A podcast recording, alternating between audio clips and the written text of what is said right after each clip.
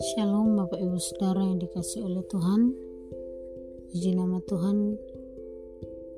Kita bersyukur pagi hari ini untuk kebaikan Tuhan dalam kehidupan kita.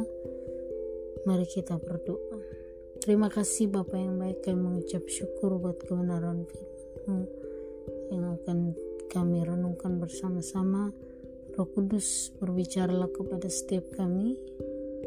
Kiranya firman-Mu menjadi kekuatan bagi kami firman-Mu menjadi rema di dalam kehidupan kami. Terima kasih Bapak kami mengucap syukur dalam nama Yesus. Haleluya. Amin.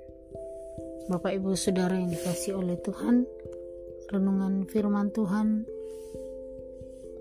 pada pagi hari ini terambil dari kitab kisah para rasul pasal 13 ayat 1 sampai ayat yang ke-52 pada suatu hari ketika mereka beribadah kepada Tuhan dan berpuasa berkatalah roh kudus khususkanlah Barnabas dan Saulus bagiku untuk tugas yang telah kutentukan bagi mereka Maka berpuasa dan berdoalah mereka dan setelah meletakkan tangan ke atas kedua orang itu mereka membiarkan keduanya pergi.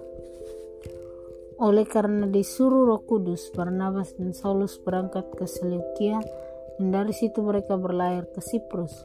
Setelah tiba di Salamis, mereka memberitakan firman Allah dalam rumah-rumah ibadat orang Yahudi dan Yohanes menyertai mereka sebagai pembantu mereka. Mereka mengelilingi seluruh pulau itu sampai ke Pafos. Di situ mereka bertemu dengan seorang Yahudi bernama Bar Yesus. Ia seorang tukang sihir dan nabi palsu. Ia adalah kawan gubernur pulau itu Sergius Paulus yang adalah orang cerdas. Gubernur itu memanggil Barnabas dan Saulus karena ia ingin mendengar firman Allah.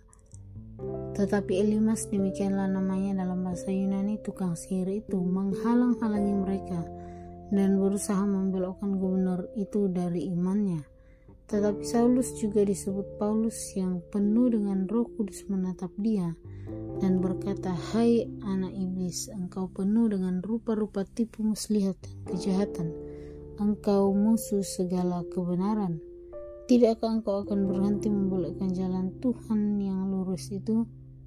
Sekarang lihatlah tangan Tuhan datang menimpa engkau dan engkau menjadi buta. Beberapa hari lamanya engkau tidak dapat melihat matahari. Sekaligus itu juga orang itu merasa diliputi kabut dan gelap dan sambil meraba-raba ia harus mencari orang untuk menuntun dia. Melihat apa yang telah terjadi itu, percayalah gubernur itu ia takjub oleh ajaran Tuhan. Amin. Bapak Ibu Saudara yang dikasih oleh Tuhan, saya tidak akan baca sampai ayat yang ke-52. Namun ada beberapa hal yang dapat kita pelajari dari kisah Saulus dan Barnabas di uh, Pulau Siprus. Di dalam yang ayat yang keempat dikatakan oleh karena disuruh oleh Roh Kudus Barnabas dan Saulus berangkat ke Seleukia dan dari situ mereka berlayar ke Siprus di mana Saulus dan Barnabas dituntun oleh Roh Kudus untuk memberitakan firman Tuhan di dalam eh, rumah-rumah ibadat orang Yahudi dan dikatakan bahwa mereka mengelilingi seluruh pulau itu sampai ke Pafos. Kemudian dalam peristiwa itu, mereka dipertemukan dengan seorang Yahudi bernama Bar Yesus, yaitu seorang tukang sihir dan nabi palsu, yang merupakan teman dari gubernur yang mengundang mereka untuk memberitakan firman Tuhan. Dalam peristiwa itu muncul uh, Elimas ya tukang sihir ini untuk berusaha menghalangi ya menghalangi usaha menghalangi uh, Saulus dan juga Barnabas untuk memberitakan firman Tuhan kepada gubernur ini. Karena apa? Dia ingin agar gubernur ini membelok daripada imannya. Nah Bapak Ibu Saudara dari sini kita bisa melihat bahwa dalam pemberitaan firman Tuhan ketika firman Tuhan akan diberitakan itu tidak selalu berjalan dengan mulus ya. Tetapi pasti akan banyak tantangan. Oleh karena apa? Iblis tidak suka ketika kebenaran dinyatakan. Iblis akan berusaha untuk menggagalkan bagaimana caranya agar pemberitaan firman Tuhan itu tidak tersampaikan tetapi Bapak Ibu Saudara yang dikasih oleh Tuhan di sini kita melihat bahwa tantangan yang dihadapi oleh Barnabas dan Saulus itu tidak membuat mereka down, tetapi justru melalui tantangan itu pekerjaan Allah dinyatakan ya. Pekerjaan Allah semakin dinyatakan di dalam ayat yang ke-12 dikatakan melihat apa yang telah terjadi itu percayalah gubernur itu ia takjub oleh ajaran Tuhan. Bapak Ibu Saudara yang dikasih oleh Tuhan, tantangan yang mungkin waktu kita memberitakan firman Tuhan, kita mau menyaksikan kebaikan Tuhan, akan selalu ada tantangan yang kita hadapi. Tetapi kiranya melalui tantangan itu tidak membuat kita berhenti sampai di situ, tetapi justru kita akan melihat pekerjaan Tuhan justru dinyatakan melalui tantangan.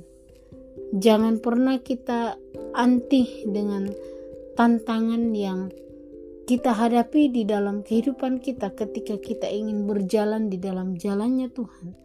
Tapi percayalah bahwa melalui setiap tantangan-tantangan yang Tuhan izinkan kita hadapi, di situlah kita akan melihat pekerjaan Tuhan dinyatakan. Yang kedua, Bapak Ibu Saudara, kita belajar bahwa ketika Roh Kudus sudah turun tangan, tidak akan ada satupun yang bisa menghalangi pekerjaan Tuhan. Ketika Roh Kudus sudah bekerja, tidak akan ada satu hal pun yang bisa menghalangi pekerjaan Tuhan.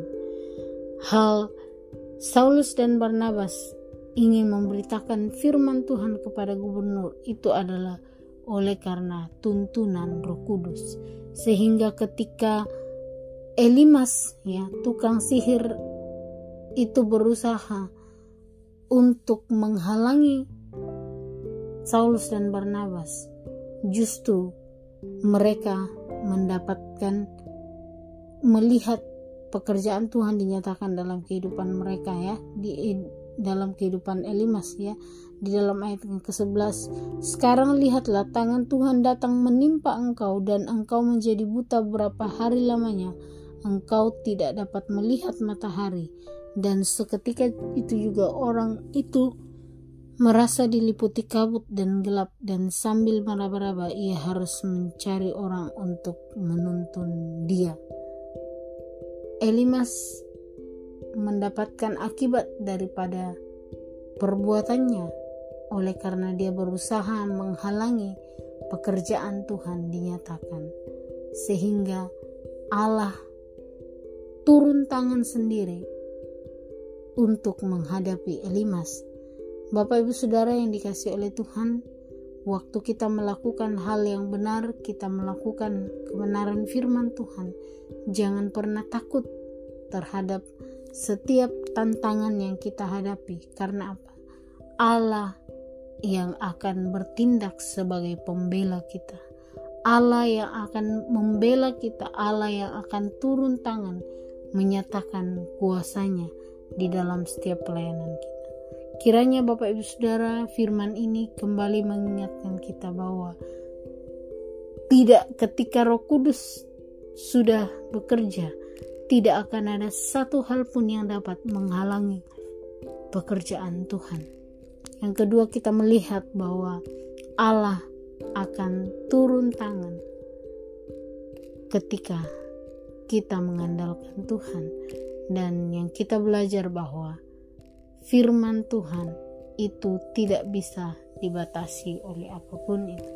Sehingga Bapak Ibu Saudara melalui tantangan-tantangan yang kita hadapi di dalam memberitakan firman Tuhan dalam menyaksikan kebenaran firman Tuhan kiranya itu tidak membuat kita berhenti tetapi justru kita semakin uh, semangat untuk memberitakan firman Tuhan karena melalui tantangan itu kita akan melihat pekerjaan Tuhan dinyatakan.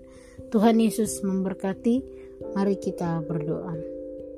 Bapa di surga, kami mengucap syukur buat firman Tuhan pada pagi hari ini. Kembali mengingatkan kami bahwa sekalipun tantangan ada tantangan yang kami hadapi ketika kami akan memberitakan firman-Mu itu tidak membuat langkah kami berhenti tetapi justru melalui tantangan-tantangan itu Tuhan kami akan melihat pekerjaan Tuhan dinyatakan di dalam setiap pelayanan kami kami akan melihat karya Tuhan dinyatakan karena kami percaya bahwa Tuhan sendiri akan turun tangan menyatakan kuasamu di dalam pelayanan kami. Terima kasih Bapa di surga. Kami mengucap syukur di dalam nama Yesus. Haleluya. Amin.